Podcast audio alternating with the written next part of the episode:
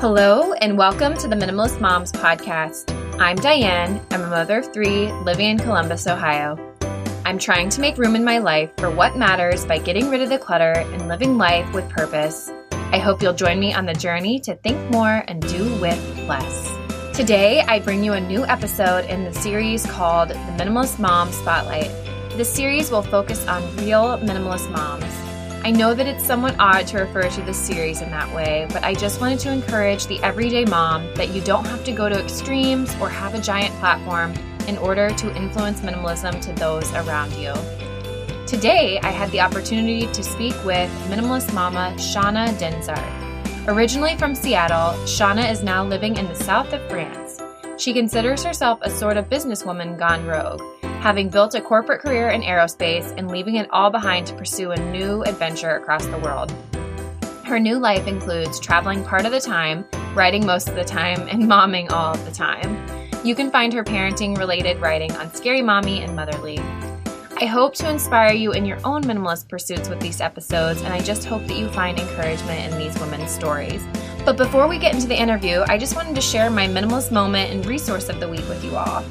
So, as you know, we are all isolated right now because of the coronavirus, and so I've had a little bit more time to spend decluttering. And I'm not sure about you, but when I'm even slightly stressed, I clean. So I purged four Trader Joe's bags of toys and have sorted through all of my baby boy clothes this week which I have been meaning to go through honestly since we had Benjamin six months ago. So I have a pile to save for my sister in law, a pile to donate, and a box of Martin's hand me downs, I guess, to keep for Benjamin as he continues to grow. So I'm just curious to know if anyone else has found themselves decluttering during the quarantine. I know that a lot of us are having so many different emotions when it comes to how we're feeling right now. And I think that if you're just relaxing, taking this time to get extra snuggles with your kiddos, and not even thinking about minimalism or pursuing decluttering or any of that right now, I think that that's a okay too. So I just want to encourage you in that. As for my minimalist resource this week, I'm reading through the book The Sustainable-ish Living Guide by Jen Gale. And I won't pretend that I'm the most sustainable practicing individual. However, I do definitely try and do my part. Uh, even when it comes to small steps towards being, I guess, more sustainable for the planet. So I just really love that this book is described for people that, and this is not my quote, want to save the planet, but their to do lists are too long. And remembering their reusable cup feels like a Herculean task. So I just really liked that because I think sometimes we do have the best of intentions when it comes to living sustainably, but it's just we forget to put our reusable coffee mug in the car, or we forget our reusable bags at home or in our car. So I just really like that Gale covers a variety of topics from the stuff we buy and the food that we eat to how we travel, how we work and celebrate. And it's just filled with practical ideas to slip into our daily lives without it feeling overwhelming. And I think that that's really what I want you guys to get from any sustainable guests that I do have. I don't want anyone to feel overwhelmed by it. So I just really liked this book. I appreciated it. It's full of tips on how to grow our knowledge of sustainability without sounding condemning or harsh. And I guess if that sounds interesting to you, you should check it out. And I'll just include um, just a link to her book in the show notes if you have any questions on where to find that. And now for my interview with Shauna.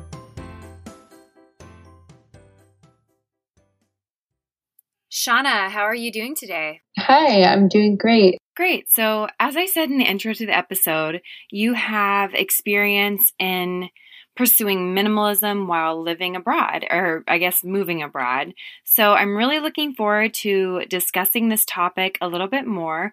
But before we get into it, can you just tell listeners a little bit more about who you are? My name is Shauna, and I am living in France right now. I am from the United States. A couple of years ago, I guess it's been three years now, um, I married a French man, and we decided to move over from the States to France. I'm a writer, and so I have a little bit of freedom in terms of where I can work from. So, yeah, that's a little bit about me. I have a son who is 16 months, and his name is Miles, and he is an absolute dream and the craziest toddler ever. Yeah, that's a bit about me. So, I have so many questions about living abroad with a 16 month old, but before we get into that, can you just tell me when did you first begin to consider the pursuit of a minimalist lifestyle? I was kind of minimalist just forever. It was something that was like natural for me. So I remember when I was, I don't know, had my first roommate when I had moved out of my house. And I remember her asking me, like, where is all of your stuff, your knickknacks, your your drawer, your junk drawer, that kind of stuff. And I was like, here's my stuff pointed at my closet of clothing. And she was like, no, your stuff. And I was like, this is what I got. You know, that was just kind of the way that I was. And I mean, back then, minimalism was not something that was on my radar or or really talked about, I guess. So I think that it wasn't something that I pursued, but as I grew older and like realized that not everyone around me was like that, that's not just the way people live actually. People do have much different lifestyles and then obviously minimalism became a huge thing and I'm super thankful for it. I think it's it's great that it's a huge thing now, but it was always really natural for me, so it was kind of, always kind of like this point of contention like if I if I ever lived with somebody, my nature was if I'm not using something for a couple of months, it actually caused me anxiety to keep it. Mm and to have a box full of something in my closet that was not being used did not make any sense to me ever. But I can say that now that I have more knowledge about like why minimalism is important to me, I am maybe more extreme in it and I maybe pay more attention to it and it's part of my life a lot more and I like I, I'm very intentional about purchases and and what I keep as well. So yeah, I think it wasn't something that was triggered at any point. It was just kind of something that was innate, I guess, mm-hmm. which I don't really find to be very common, especially in the United States. I'm curious, were your parents this way? And do you think that they instilled that in you during your childhood? I do. I think I grew up with my mom. It was just my mom and my brother and me, and we didn't have a lot of things. And I don't know that it was intentional. I think um, part of it was financial for sure. We weren't a family that could afford a ton of things. Also, it was. I mean, we could we could have afforded more than what we purchased for sure, but we just weren't collectors of anything. We weren't like my mom mom was never like that. It was never having a ton of of things that weren't being used. That was just not something that was part of our lives, I guess. And so I grew up that way. I just never knew any anything different, I guess. Yeah, that makes sense. When you get used to living a certain way, it's just easy and it doesn't make it as hard. And I know my parents always wonder how my husband and I live with one bathroom because I had three in my childhood home. Um, my husband and I, we just lived this way for nine years, and it's since we've been married. So right, it just it just works for you. Yeah. yeah. It may have been somewhat unusual at first, but at that point, I didn't care, and I was 22 years old. So I think that really you just you can adapt to anything. So let's get back a little bit. You said that you were married to a man from France. So what does he think about minimalism? And is it something that he has embraced as well? Oh my gosh, it is so funny. We are polar opposites. So we actually met when we were living in the States. I was working um, in aerospace. I was working corporate management for a long time, for about 10 years. And we met working at the same company. We fell in love, that whole whole thing, and got married. And then we had a move coming like going from the United States to France. And that is, we lived together for a while, but I don't think I understood how much stuff he had until we went to move. Mm-hmm. And not just stuff, but like literally boxes of things that had not been opened the entire year and a half we had been living um, in Texas where we were working at the time. So he is was never a minimalist at all. He was, by my definition, a hoarder. and and he knows that. He was a collector. We couldn't have been any different in that way. So we moved all of our things over to France and we put them in storage for about a, a, year while we were living in Paris and we couldn't fit everything we had in the apartment that we were renting. And I mean, it, I can't tell you how much anxiety it gave me to know that we had a storage unit filled with things that were not being used for an entire year. It didn't happen immediately, but where he is at now is that he is possibly more minimalist than I am. He spent his entire life collecting these beautiful French hardback comic books, and he had about 700 of them. Mm-hmm. And he was like, you know what? I don't want this stuff anymore. And he's selling all of them and he's constantly getting rid of things. And I'm like, I'm just in awe because the person that I met was not that person and now he's like oh i can't stand that we have like these extra things that are not being used and i'm like oh my gosh i didn't even notice they were there and so he has done like a polar opposite i never really like pushed him he just kind of saw the way that i was living and was inspired by it and i think that's really cool to see that kind of change in somebody mm-hmm. Today's episode is sponsored by Osea Malibu, the original plant based, results driven skincare line. As I'm now into my 30s, I figured it was time I start prioritizing my skincare. I have been looking for products that nourish my skin, are non toxic, cruelty free, that do not break the bank. I was thrilled to partner with Osea Malibu because each product is pure, safe, and effective. Their skin nourishing products are made entirely of plant derived ingredients and are even a good choice for moms to be. Their sustainably sourced organic Patagonian seaweed and active botanical products easily absorb into the skin and effectively bring out balance while targeting signs of aging and skin imperfections.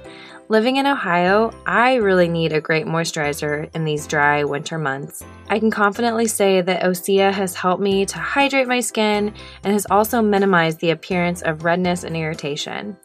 So if you're interested in trying out the products for yourself, head over to oseamalibu.com slash minimalistmoms. That's O-S-E-A malibu.com slash minimalistmoms for a $10 off your first purchase of $50 or more, free shipping for U.S. orders of $75 or more, and free samples with every order.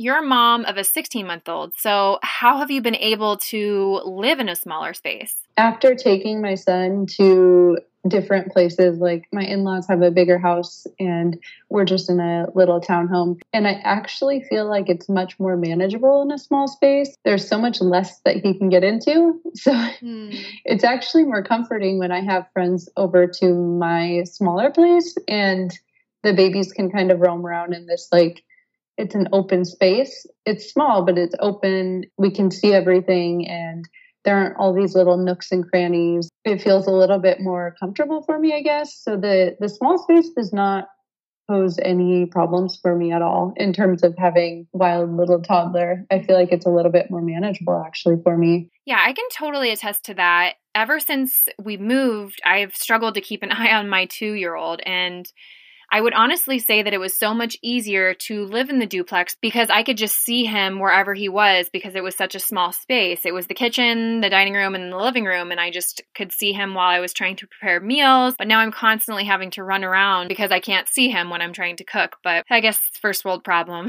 So let's get into my next question. Um, what tips do you have for people that are looking to move abroad but want to keep it minimal?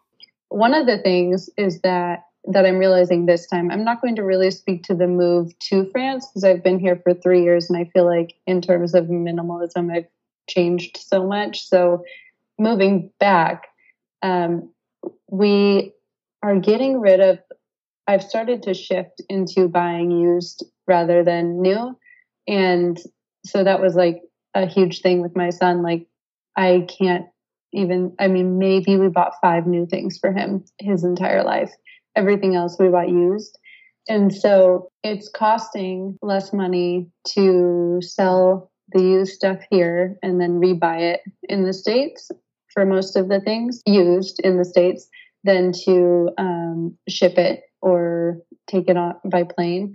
Um, it's really super expensive to do that, and it's also if anyone is you know worried about the environment, it's not very environmentally friendly to like ship a whole ton of stuff overseas. So those are things that we're doing. It's just right now I'm getting rid of as much as I possibly can, and what that has meant for me is I didn't make the decision until really recently because I started to think about if I was going to put all of my clothes all of the baby's clothes, everything the baby needs into suitcases and then add them as checked baggage or send them by plane without me, it would have cost a lot of money and it just didn't feel right. it was like, I'm bringing a whole ton of stuff over there and honestly, I don't need all this stuff. So right now I'm donating just I only have a week left about so I don't have a ton of time to like sell everything but I'm donating so many things that that I just I feel are dragging me down if I bring them with me kind of. So what I would say is overall the less things that you can bring the better. Mm-hmm. And think about cost of shipping versus selling an item and then rebuying it when you get to your destination like a stroller for example mm-hmm. because they're super heavy they're huge they're hard to transport things like that that you can make your life a lot easier and be better on the planet and better on your wallet and kind of like a win-win all over the place if you minimalize before you move and then rebuy used. I think it can, you can kind of even out in terms of like cost. I don't know. I feel like there are so many things I could touch on, but are there any specific things that you're curious about? What is your opinion regarding the way that people in Europe may value their experiences over their possessions? Because I feel like there is this idea of a slower lifestyle with less focus on consumerism there, but I might just be romanticizing that notion. So I guess what are your thoughts? It's hard for me to answer, I think, because I've I've been here for three years, but I feel like I haven't been exposed to enough lifestyles to really say. Um, but I will say that my most recent, you know, the past 16 months have, has been with a, a child. And so I am hanging out with a lot of moms. And I will say that a lot of moms buy a ton of stuff. So that is what I'm seeing. I have never been a parent living in the United States. So in terms of parenting, it's hard for me to compare, but I am absolutely shocked by the amount of things that people buy here for sure. I don't really think it's any better. Also, I'm speaking only to France and I it's really hard for me to say. I feel like their lifestyle and the movement toward buying things ethically or buying things used or thinking about the environment when you're making purchases and all of these things I, I feel like there are people in all of the countries that I've visited in Europe who are paying attention to those things for sure. That is no doubt. I think there are also a lot of people who are still, you know, want to go to Target and fill their shopping cart all the way to the top when they only intended to go in there for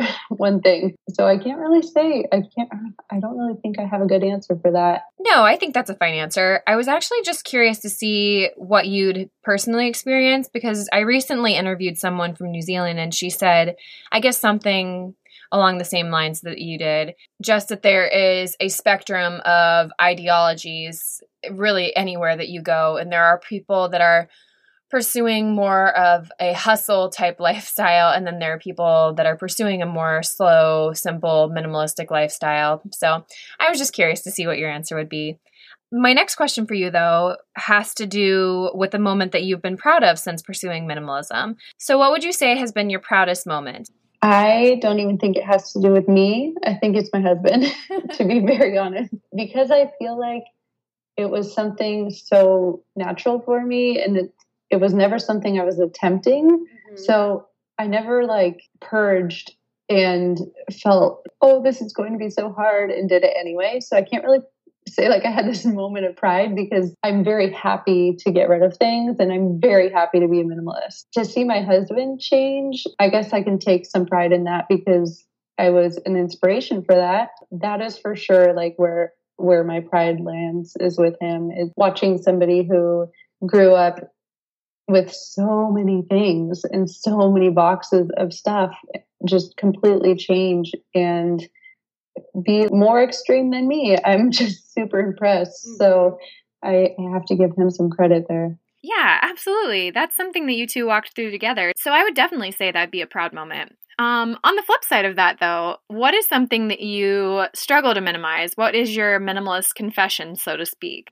I feel like anybody who knew me would be very surprised to hear this, but it is shoes. Okay. I love shoes. And I am not a fashionable person. like I am in sweatpants or leggings every day, and this was this is not just post baby. This is like for a really long time. I'm very very casual hoodies, sneakers kind of girl, mm-hmm. but I love shoes and I love to have them for when I do want to dress up. And I think right now I probably have 12 pairs of shoes right now compared to the rest of my lifestyle. That's that's quite a bit. Mm-hmm. And also considering that there are shoes that I will wear once a year mm-hmm. and still keep them. That's surprising to me, but I can't let them go because I love shoes. I just I just love them.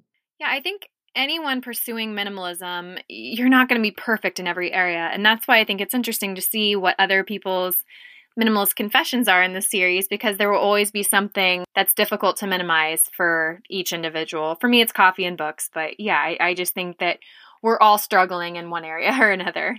Where can people find you if they want to connect with you, maybe ask some more questions that weren't answered here, or just want to connect? The best place is Instagram, and I am at Shauna Dinsart. It's S H A U N A D I N S A R T. I usually just post on there. I have, I write for a couple of blogs and a couple of online magazines, but I think for the most part, my personal adventures are all on Instagram. Well, as we wrap up here, I'm going to ask you the two questions that I ask every guest. And the first one is What is something that you're simplifying right now? AKA, what is your minimalist moment of the week? Hmm.